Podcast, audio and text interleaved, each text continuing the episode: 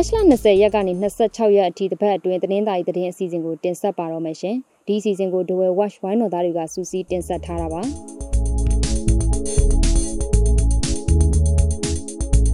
ဒီတစ်ပတ်ကတော့လောင်းလုံးမြို့နယ်ထဲအလှုပ်ခတ်များဆုံးကာလာလို့ဆိုရမှာပါ။စစ်ကောင်စီတပ်ကလောင်းလုံးမြို့နယ်ကိုကုန်းချောင်းရောရေချောင်းကပါနှစ်ဖက်ညှက်ပြီးစစ်ကြောင်းထိုးခဲ့တာပါ။ မတ်လ20ရက်နေ့မနက်ကလောင်းလုံးမြို့နယ်တောင်ဘက်မှာရှိတဲ့တပြေရှောင်ရွာကရေလုံငန်းတဲတွေကိုစစ်ကောင်စီတပ်ကမိရှုသွားပြီးစိုက်ကယ်တွေကိုတင်ဆက်သွားပါတယ်။တပြေရှောင်ရွာမှာရှိတဲ့စန္ဒစိတ်လို့ခေါ်တဲ့ဒဝဲမြစ်ကန်ဘေးကတဲလုံးကြီး30လောက်ကိုမိရှုခဲ့တာပါ။ဒါအပြင်တပြေရှောင်ကျေးရွာရှိဟင်းချိုတော်ရွာက3ဘိန်းတစည်းအပါဝင်စိုက်ကယ်10စီးလောက်ကိုလည်းတင်ဆက်သွားတယ်လို့ဒေသခံတွေကပြောပါတယ်။စစ်ကောင်စီတပ်တွေရွာထဲဝင်လာချိန်ထွက်ပြေးခဲ့ရတဲ့ဒေသခံတွေရဲ့စိုက်ကယ်တွေကိုတင်ဆက်သွားတာပါ။ နေ့လယ်ပိုင်းမှာတော့အင်အား90လောက်ပါတဲ့အဲ့ဒီစစ်ကောင်စီတပ်စစ်ကြောင်းဟာတကြက်တော်ရွာဘက်ကိုထွက်သွားခဲ့ပါတယ်။မတ်လ21ရက်နေ့မှာတော့အောက်ကျောက်ဝတ်နဲ့ညောပြင်ရွာကိုစစ်ကောင်စီတပ်ကနောက်တစ်ကြိမ်စစ်ကြောင်းထိုးလာပြီးနေအိမ်တရာကျော်ကိုမီးရှို့သွားပါတယ်။စစ်ကောင်စီတပ်ကအဲ့ဒီရွာတွေကိုရေချောင်းကဝင်ရောက်လာပြီးမီးရှို့ခဲ့တာလို့ဆိုပါတယ်။ညောပြင်ရွာမှာနေအိမ်60ကျော်မီးလောင်ပျက်စီးပြီးအောက်ကျောက်ဝတ်ရွာမှာတော့အလုံး40လောက်မီးလောင်ပျက်စီးခဲ့တယ်လို့ဒေသခံတွေကပြောပါတယ်။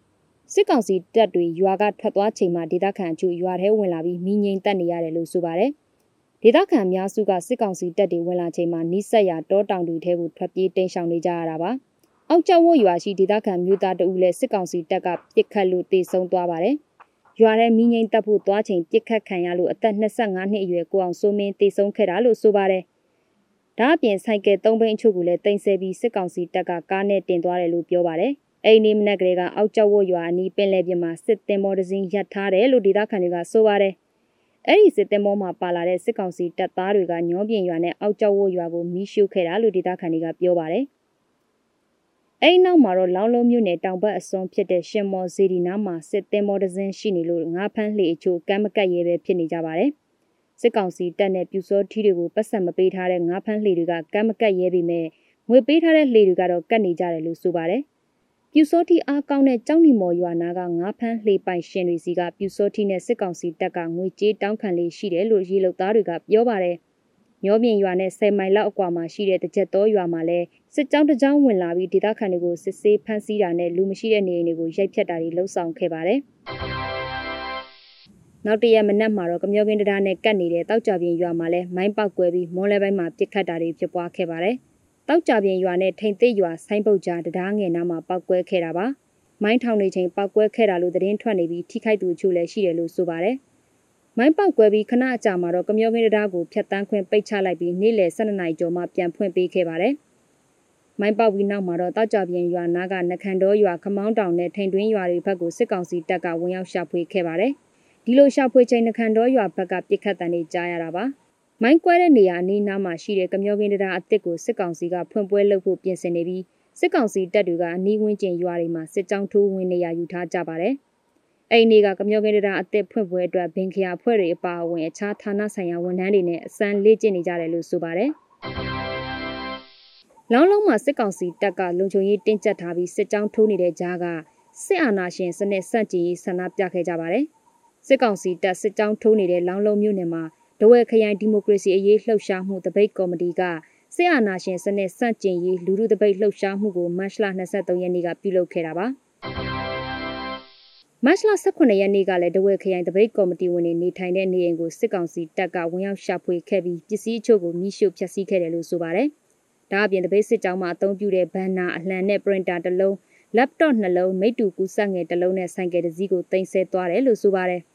အဲ့ဒီနေ့မှာပဲစစ်ကောင်စီတပ်ကတောင်းနှင်းရှာဖွေပြီးကဒက်ကြီးရွာနာက PDF စခန်းတစ်ခုကိုတင်ခဲ့တယ်လို့ဆိုပါတယ်။ NUG လက်အောက်ခံလောင်းလုံးမြို့နယ်ပြည်သူ့ကာကွယ်ရေးတပ်ဖွဲ့လက်အောက်ခံတပ်ဖွဲ့တစ်ခုဖြစ်တဲ့ဝင်ပလွေပြည်သူ့ကာကွယ်ရေးစခန်းတစ်ခုအသိမ်းခံရတာလို့ပြောပါတယ်။အနီးနားနေဒေသခံတွေရဲ့အဆိုအရစခန်းသိမ်းခံရတဲ့ဖြစ်စဉ်မှာ PDF တွေအဖမ်းခံရတာမျိုးမရှိဘဲသုံးလို့မရတဲ့လက်လုံတနက်ချို့တော့တင်ဆဲသွားတယ်လို့ပြောပါတယ်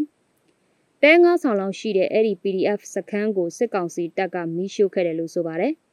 စစ်ကောင်စီတပ်ဟာလောင်းလုံးမြို့နယ်ထဲကျေးရွာတွေကိုစစ်ကြောင်းထိုးနေပြီးနေအိမ်တွေကိုဝင်ရောက်ရှာဖွေတာဒေသခံတွေကိုဖမ်းဆီးတာနေအိမ်တွေကိုမီးရှို့တာနဲ့ PDF စခန်းတွေကိုတောင်းနှင်းရှာဖွေတာတွေခက်ဆစ်စိတ်လှုပ်ဆောင်နေတယ်လို့ဒေသခံတွေကပြောပါတယ်မတ်လ18ရက်နေ့မှာစစ်ကောင်စီတပ်ကဖမ်းသွားတဲ့စစ်ဘေးရှောင်73ဦးဟာတပတ်လောက်ကြာတဲ့အထိသတင်းအစအနမရပဲပျောက်ဆုံးနေပါတယ်။ဒသူတို့ဟာလောင်းလုံးမျိုးနယ်ထဲရှိကျေးရွာတရွာမှာစစ်ပေးရှောင်နေကြတာပါ တက်ကြီးရွယ်ဦးတွေနဲ့ကလေးတွေပဲခြံထားခဲ့ပြီးအရွယ်ကောင်းမျိုးသားမျိုးသမီးတွေကိုစစ်ကောင်စီတပ်ကဖမ်းဆီးသွားတာလို့ဆိုပါတယ်သူတို့ဟာဇလွတ်ကျေးရွာသားတွေဖြစ်ကြပြီးရွာနီးနားမှာတိုက်ပွဲဖြစ်လို့အခြားရွာကတောဆက်တနေရာမှာတိန်းရှောင်ရာကနေစစ်ကြောင်းထိုးလာတဲ့စစ်ကောင်စီတပ်နဲ့တွေ့ပြီးအဖမ်းခံခဲ့ရတာပါလောင်းလုံးမြို့နယ်မြောက်ဘက်လောက်မှာရှိတဲ့သဘောစိတ်ရွာမှာလည်းအသက်22နှစ်အရွယ်မျိုးသားတဦးပြစ်တက်ခံလိုက်ရပါတယ်။မတ်လ22ရက်ညကသဘောစိတ်ရွာသားကိုစိုးထေးကိုအမည်မသိလူတစုကနေအိမ်မှာလာခေါ်သွားပြီး နောက်တရက်မနက်မှာတော့တနက်ဒဏ်ရာတွေနဲ့တေဆုံးနေတဲ့အလောင်းကိုကမ်းခြေမှာတွေ့ခဲ့ရတာပါ။ကိုစိုးထေးဟာလေလုံသားတဦးဖြစ်ပြီးသူ့ကိုဘသူတွေကဘလို့အကြောင်းရင်းကြောင့်ပြစ်တက်သွားတယ်ဆိုတာကိုတော့မသိရသေးပါဘူး။တဝက်ခရိုင်တွေကလောင်းလုံးတဲ့တရချောင်းမျိုးတွေမှာတိုက်ပွဲတွေနဲ့ပြိပခါတွေပိုဖြစ်များလာလို့မြို့ပေါ်ရွှေ့ပြောင်းတာများလာပြီးတဝက်မြို့ပေါ်မှာအိမ်ခန်းငှားရခတ်ခဲလာပါတယ်။ငွေကြေးတက်နိုင်တဲ့ကြေးလက်နေသူတွေမြို့ပေါ်ကိုမိသားစုလိုက်ရွှေ့ပြောင်းနေထိုင်တာများလာလို့အိမ်ခန်းရှာရခတ်ခဲလာတာပါ။ အိမ်ခန်းငှားရန်ခါကတော့ဝန်ဆောင်မှုနေရာထိုင်ခင်းပေါ်မူတည်ပြီးတလကိုကြက်သိန်းဝန်းကျင်ကနေကြက်2သိန်းနီးပါးအထိပေါက်ဈေးရှိတာပါဖေဖော်ဝါရီလနဲ့မတ်လမှာတဝက်ခရိုင်ထဲတိုက်ပွဲဖြစ်ပွားတာပိုများလာတာနဲ့အမျှနေရင်ဆွတ်ခွာပြီးစစ်ဘေးရှောင်သူတွေများပြားလာပါတယ်ပလောမျိုးနယ်မင်းထိန်ကျေးရွာကနေစစ်ကောင်စီတပ်ကဖမ်းဆီးခေါ်ဆောင်သွားတဲ့ဒေသခံ10ဦးထက်ကမြို့သမီး6ဦးပြန်လွတ်လာပါတယ်မတ်လ19ရက်နေ့ကမင်းထိန်ကျေးရွာကိုစစ်ကောင်စီတပ်စစ်ကြောင်းဝင်ရောက်ခဲ့ပြီးတဲ့နောက် အမျိုးသမီး6ဦးနဲ့အမျိုးသား4ဦးကိုဖမ်းဆီးပြီးပလောမျိုးရှိတရင်ကိုဖမ်းဆီးခေါ်ဆောင်သွားတာပါ။အဲဒီနောက်မှာတော့မတ်လ24ရက်ထိအမျိုးသမီး6ဦးပြန်လွတ်လာတာဖြစ်ပါတယ်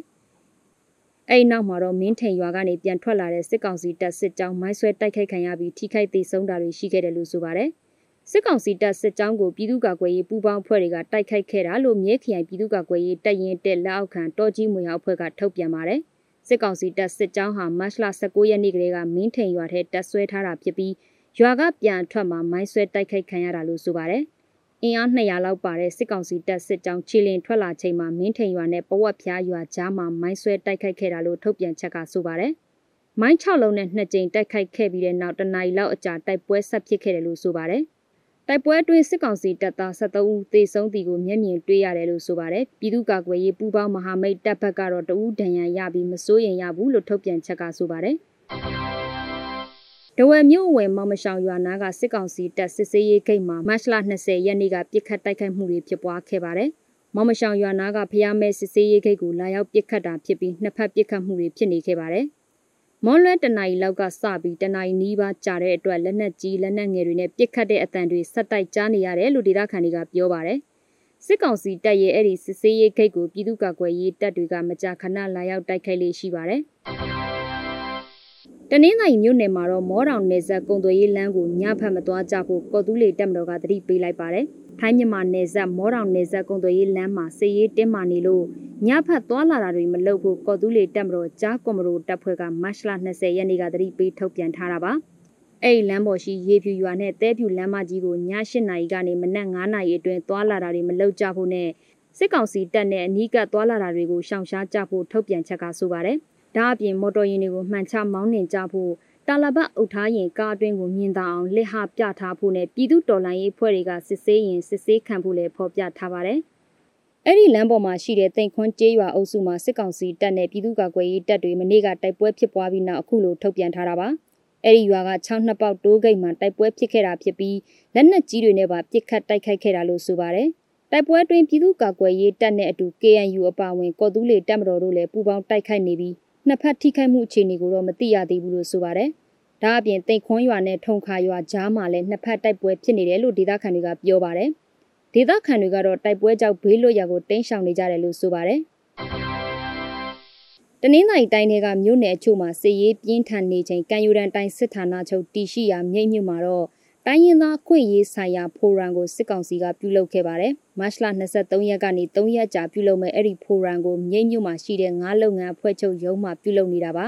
။အဲ့ဒီဖိုရမ်ကိုတိုင်းရင်းသားလူမျိုးများရေးရာဝန်ကြီးဌာနဒုဝန်ကြီးစစ်ကောင်စီအကြံပေးတွေဖြစ်တဲ့ဒေါက်တာရည်ရင်ရွယ်နဲ့ဒေါက်တာအင်ဒရူးငွန်ကျွန်းလျံတို့လည်းတက်ရောက်တယ်လို့ဆိုပါတယ်။ဒါအပြင်မြိတ်တနင်္သာရီနဲ့ကျွန်းစုမြို့နယ်တွေကလူမှုရေးဘာသာရေးအသင်းဖွဲ့တွေ စီးပွားရေးလုပ်ငန်းရှင်တွေပါတီအချို့ကပါတီဝင်တွေနဲ့မြို့ကန်အချို့လည်းတက်နေတယ်လို့ဆိုပါတယ်။ရချောင်းမြို့နယ်စော်ဖျားရွာဘက်ကိုဈေးရောက်သွားနေတဲ့စစ်ကောင်စီတပ်သတင်းပေးဆိုတဲ့အမျိုးသားတအူးကိုရှင်းလင်းလိုက်တယ်လို့ပြည်သူ့ကာကွယ်ရေးအဖွဲ့ကထုတ်ပြန်ထားပါတယ်။အသက်40ကျော်ရွယ်ဦးမင်းစော်လို့ခေါ်တဲ့ကိုမင်းမင်းကိုရှင်းလင်းခဲ့တယ်လို့တရချောင်းမြို့နယ်ပြည်သူ့ကာကွယ်ရေးအဖွဲ့ကမတ်လ22ရက်နေ့မှာထုတ်ပြန်ထားတာပါ။ သူဟာတဝယ်မြို့ပေါ်မှာနေထိုင်ပြီးစော်ဖျားရွာလောင်းမင်းဖာကတိဝစတဲ့တရချောင်းမြို့နယ်ထဲကကျေးရွာတွေကိုစိုက်ကယ်နဲ့ငားလိုက်ရောင်းနေသူဖြစ်တယ်လို့ဒေသခံတွေကပြောပါတယ်။သူဟာဈေးတဲ့အသွင်ယူပြီး PDF အဖွဲ့တွေရဲ့သတင်းချက်လက်တွေကိုထောက်လှမ်းနေသူဖြစ်ပြီး PDF အဖွဲ့တွေရဲ့တီနေရအင်အားအဖွဲ့ခေါင်းဆောင်အမည်တွေကိုစစ်ကောင်စီတက်စီသတင်းပေးနေသူဖြစ်တယ်လို့ထုတ်ပြန်ချက်ကဆိုပါတယ်။ တရချောင်းမြို့နယ်ရငဲရွာမှာလည်းလက်နက်ဖြုတ်သိမ်းခံထားရတဲ့ပြူစောတိအဖွဲ့ဝင်ဟောင်းတူပြစ်တက်ခံလိုက်ရပါတယ်။အသက်60ဝန်းကျင်အရွယ်ပြူစောတိအဖွဲ့ဝင်ဟောင်းဦးခွားတူဟာနေအိမ်အရှိမလမ်းလျှောက်နေချိန်လက်နက်ကင်အဖွဲ့တစ်ခုကဆိုင်ကယ်နဲ့လာပြီးပြစ်တက်သွားတာပါ။ပြီးခဲ့တဲ့နှစ်လယ်ပိုင်းကဥကွာတူတစ်ဖွဲ့လုံးကိုစစ်ကောင်စီတပ်ကလက်နက်ဖြုတ်သိမ်းထားတာလို့ဒေသခံတွေကပြောပါတယ်။ရေပြူမြို့နယ်မူးဒူးရွာကမိုက်တဲတာဝရိုင်မီးရှို့ခံရပြီးဖြိုလဲခံလိုက်ရပါတယ်။မတ်လ19ရက်နေ့လယ်က ရေပြူမြို့နယ်မူးဒူးရွာမှာရှိတဲ့မိုက်တဲဖုန်းဆက်သွယ်ရေးတာဝရိုင်ကိုပြည်သူ့ကာကွယ်ရေးအဖွဲ့တစ်ခုကမီးရှို့ပြီးဖြိုလဲလိုက်ပါတယ်။တာဝရိုင်မှာရှိတဲ့ဘက်ထရီဆိုလာပြားနဲ့အခြားပစ္စည်းတွေကိုတော့တင်ဆက်သွားတယ်လို့ဆိုပါတယ်။ဖြိုလဲခံရတဲ့မိုက်တဲတာဝရိုင်ဟာရေနက်စိတ်ကနေမီရဲစခန်းကနေ9မိုင်ကျော်အကွာအဝေးမှာရှိပြီးမူရူရွာလမ်းဘေးဥယျာဉ်ချမ်းတစ်ခုတည်းစိုက်ထူထားတာပါဖေဖော်ဝါရီလ6ရက်ကလည်းရေနက်စိတ်ကနေမီရဲစခန်းကိုပြည်သူ့ကာကွယ်ရေးပူးပေါင်းအဖွဲ့တစ်ခုကဝင်ရောက်တိုက်ခိုက်ခဲ့ပါတယ် မြန်မာနိုင်ငံကထွက်ပြေးတိမ်းရှောင်လာသူတွေနေထိုင်တဲ့ထိုင်းနိုင်ငံမဲဆောက်မြို့မဲပဒေသမှာရှိတဲ့လေးထပ်အဆောက်အုံကိုမတ်လ22ရက်နေ့မှာထိုင်းအာဏာပိုင်တွေကဝင်ရောက်စစ်ဆေးခဲ့ပါတယ်။ဒီလိုဝင်စစ်ဆေးပြီးနောက်မှာတော့မြန်မာနိုင်ငံသား2ဦးကိုဖမ်းဆီးသွားတယ်လို့ဆိုပါတယ်။အဲ့ဒီအဆောက်အအုံမှာမြန်မာဒုက္ခသည်တရားကျော်နေထိုင်တယ်လို့ပြောပါတယ်။ဒီလိုရှာဖွေရမှာထိုင်းအာဏာပိုင်တွေကအခြားဒုက္ခသည်တွေကိုတော့မဖမ်းဆီးပဲဒရုန်းနဲ့အခြားပစ္စည်းတွေကိုတင်ဆက်ရမိတဲ့အခန်းကမြန်မာ2ဦးကိုပဲစစ်ဆေးမေးမြန်းဖို့ခေါ်ဆောင်သွားတာလို့ဆိုပါတယ်။ ထိုင်းသတင်းဌာနတွေမှာဖော်ပြထားသလိုလက်နက်နဲ့ကြီးစံတွေဖမ်းမိတယ်ဆိုတာမဟုတ်ဘူးလို့ကူညီပေးနေသူတွေကပြောပါတယ်။ထိုင်းအာဏာပိုင်တွေကအကြမ်းဖက်တာချိန်ချောက်တာတွေမရှိဘဲအမိတ်အယဝင်ရောက်စစ်ဆေးတာပဲဖြစ်ပြီးထိုင်းဥပဒေစည်းမျဉ်းတွေကိုလေးစားလိုက်နာဖို့ပဲပြောဆိုခဲ့တယ်လို့ဆိုပါတယ်အခုလိုနားဆင်ပေးတဲ့အတွက်ကျေးဇူးအထူးတင်ရှိပါတယ်ရှင်သောတာရှင်များကျမ်းမာချမ်းသာပြီးကပ်ဘေးအပေါင်းမှဝေးနိုင်ကြပါစေလို့တဝဲဝက်ဝိုင်းတော်သားများကဆုမွန်ကောင်းတောင်းလိုက်ပါတယ်ရှင်